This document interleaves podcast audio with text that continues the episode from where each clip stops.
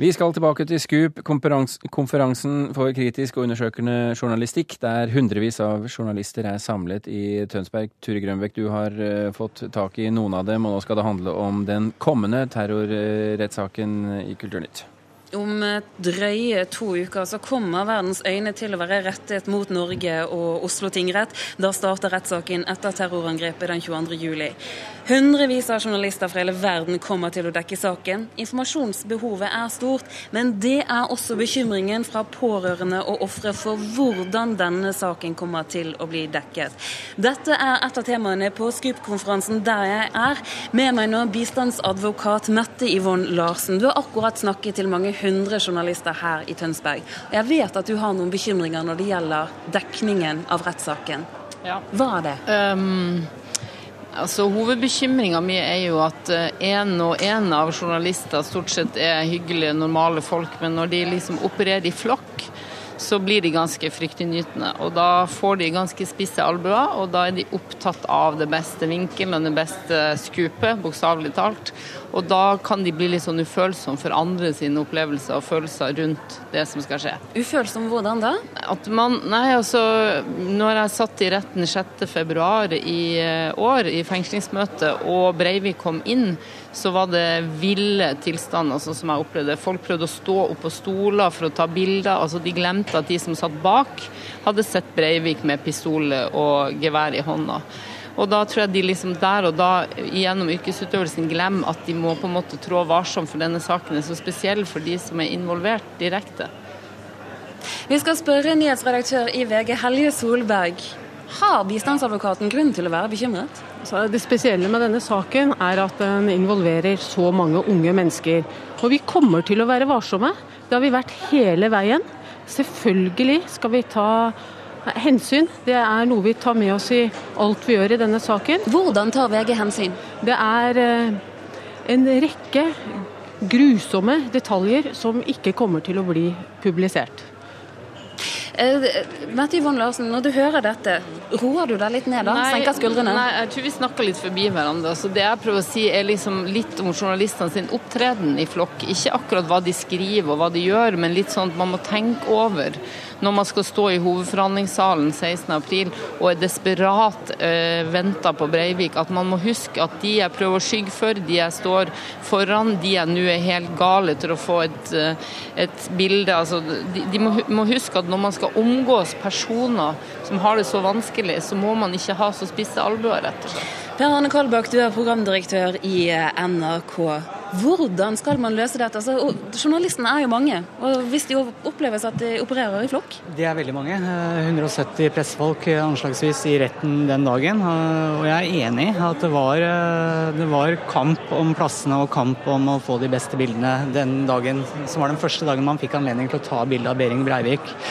Men det er to ting. Vi er klar over det. og Vi gjorde noen erfaringer sist. Og vi prøver både i NRK og, og mediene i fellesskap å prøve å ordne dette på en mer skal vi si, kontrollert måte når vi kommer så langt.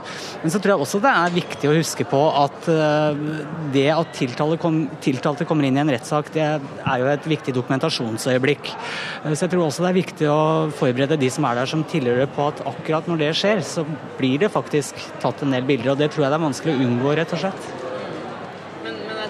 kan man dra det. Man må dra det videre. altså det blir man, Vi skal omgås i det, den andre etasje i Oslo tingrett i ti uker. 800 personer, eller 500 eller 600. Og da må man hele tida huske at de som går med dette kortet på brystet, som er etterlatt, eller familien og sånt, de har på en måte behov for å følge rettssaken og kunne være i fred, og det blir vanskelig. altså. Den ene tingen er jo hvordan man opererer som menneske ja. i møte med mennesker, mm. og så er det dette med hva man publiserer. Mm. Hva tanker gjør du deg om eh, hvor mye man bør referere av det Anders Behring Breivik forklarer? Altså, jeg blir jo litt nervøs på en måte når jeg hører at det er sånn vegg-til-vegg-dekning. Jeg bare aner meg hva det betyr. Altså, man skal sende noe hele tiden. Og eh, altså Jeg er veldig glad for rettens avgjørelse om at man ikke skal kunne publisere det direkte, overføre det direkte, men at det må gjøres under et mer sånn ansvar. Man må tenke hva skal vi publisere. Og jeg er litt redd for at man publiserer ting som gjør at folk blir redd, redd i framtida. Litt sånn han ville gjort det igjen. Altså Folk er redd for at han skal bli erklært utilregnelig, kunne komme ut en gang. Altså Ikke publisere noe som skaper frykt for at Breivik er på ballen igjen. Helge Solberg, hvor mye kommer VG til å referere? Tenker du på tiltalets forklaring? Mm. Ja, Vi mener at uh, store deler av den bør uh, formidles videre. Noe annet vil være mystifisering. Hvorfor det? Det som blir utfordringen, er også å sette den forklaringen i en sammenheng med analyser og eksperter. Det er jeg helt sikker på at uh, redaksjonene nå forbereder. Det er mulig å formidle dette uten å være en talerstol foran. Arne Jensen, du er assisterende generalsekretær i Norsk redaktørforening. Dere har protestert på at tingretten har besluttet at man ikke skal kringkaste forklaringen til Anders Behring Breivik. Hvorfor det? At man ikke skal kunne kringkaste den, ja. Jo, for, av to grunner. Og, er, og, dette er jo velkjente argumenter. Eh, det ene er at det dreier seg om den alvorligste forbrytelsen eh, i Norge siden andre verdenskrig. Eh, den har berørt hele landet. Og det er et behov, tror vi, ute hos allmennheten for å ha best mulig innsikt i hvordan denne saken behandles. Og så er det at det mest sentrale stridsspørsmålet nå i saken handler om hvorvidt vedkommende er tiltalte, er strafferettslig tilregnelig eller ikke. I så måte så spiller det, tror vi, ikke bare en rolle hva han sier, men også hvordan han fremstår i retten. Med kroppsspråk, med mimikk, med stemme osv. Det vil være en del av det grunnlaget. Og så tror jeg sånn generelt til det, det fryktbildet som Mette Johan Larsen drar opp. Jeg tror det beste middelet mot det er at folk får vite Altså Det å, å, skjule kunnskap tror jeg er den beste måten å bygge myter på, og også bygge frykt på. Kunnskap uh, avverger det. Men Det er altså meldt 700 pressefolk, så skjule kunnskap Jeg skjønner ikke innholdet av det begrepet. Når det skal sitte 700 pressefolk rundt omkring fra over 30 land. Så jeg tror jo at man får formidla godt nok hva han står for uten å kringkaste. Og jeg er veldig redd for at denne saken har flytta så mange grenser. Og hvis vi åpner for kringkasting av en tiltaksforklaring, det har vi aldri gjort før, så vil det kravet komme i en annen sak. Og, og neste gang og neste gang et barn er drept eller en kvinne er voldtatt eller hva som helst, så skal man kringkaste hans forklaring. Jeg ønsker ikke at man skal flytte de grensene. Det er det jo ingen som har sagt. Ingen som har, ingen som har sagt, men de kan komme til å si det. Ja, Anne Kalbakk, hvordan forvalter man denne balansen mellom behovet for informasjon og det at man skal verne? Det er en ekstremt vanskelig, vanskelig, avveining. Hver eneste dag, hver eneste sak vi lager. Og det kommer til å bli det hver eneste dag, dag i retten. Og det er jeg enig med Mette Yvonne Larsen i. Det er jo enorme mengder eh, det blir en enorm mengde dekning, enormt mange grusomme detaljer. Og vi har jo en tradisjon for at når vi dekker alvorlige kriminalsaker, så dveler vi ikke ved grusomme detaljer, eh, som det heter. Og Det har vi en eh, god eh, tradisjon for i norske medier, og den vil vi følge oss her. Og Så blir det veldig komplisert i en så omfattende og en sak hvor grusomhetene er så mange og store at det blir, det blir vanskelig. Så det bruker vi mye tid på å diskutere her nå, nå hvordan vi skal gjøre det. Og vi diskuterer det også mediene imellom, både gjennom Presseforbundet, Redaktørforeningen og andre steder. Hver eneste dag så sitter det journalister i norske rettssaler som formidler langt mindre enn det man juridisk sett har adgang til. Det gjør man svært ofte av hensyn enten til tiltalte, til fornærmede, til pårørende, til familie eller andre.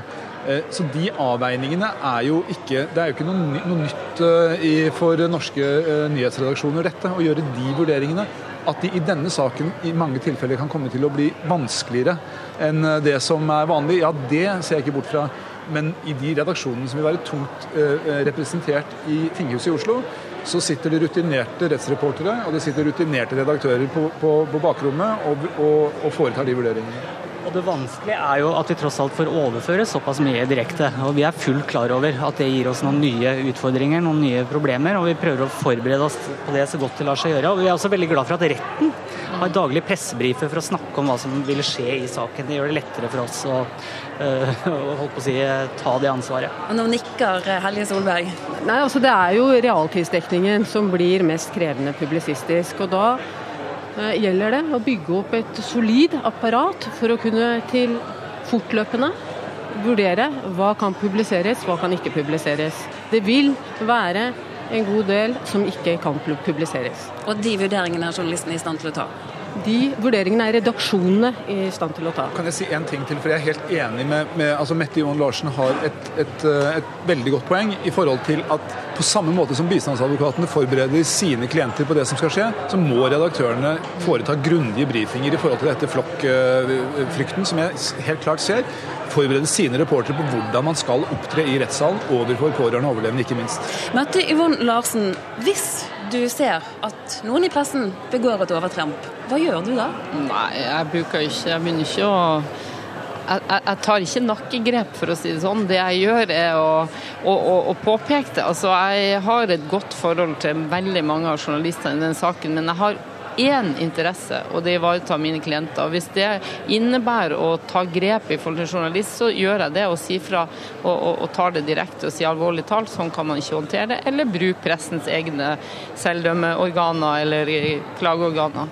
Så der har jeg liksom ingen skrupler. Altså Jeg er ikke så opptatt av å bli likt av journalister, jeg er opptatt av at klientene mine skal føle at jeg gjør jobben for dem. Står som ikke du fikk siste ord i denne runden der. Mette Moen Larsen, takk skal du ha. Vi skal gi ordet til vår kommentator her i NRK, Agnes Moxnes. Dette med pressedekningen det er en debatt som har pågått lenge, og den kommer sikkert til å fortsette, men du har fulgt nøye med. Nå har du hørt denne runden her, og også det som det ble snakket om tidligere på Scoop-konferansen. Hva slags tanker gjør du deg? Veldig at det som foregår her i dag er en utlufting av eh, frustrasjoner. At det er ulike At de tre aktørene vi hører her, eller iallfall to, pressen og, og, advokatene, bistandsadvokatene og politiet også, som var representert her inne nå, har ulike roller. Og at eh, stundom så kommer de litt i veien for hverandre og har ulike interesser. Det er disse ulike interessene da, som eh, blir litt vanskelig fremover? Det er helt opplagt en, en, en stor utfordring, ikke minst for, eh, for, pressen, som da er på en måte er litt i skole her på Scoop nå. og Gå gjennom hvilke erfaringer kan man eh, trekke etter den dekningen som har vært. Altså, jeg tror den ble oppsummert her til over 200 000 treff i norske medier. Eh, antall publiserte artikler som har vært etter terroraksjonen 22.07. Det er klart at Hvis man skal gå inn på det og se hva er det som har vært gjort viktig og hva er det som har gjort feil, så tror jeg at i all hovedsak så kommer pressen veldig godt ut av dette her.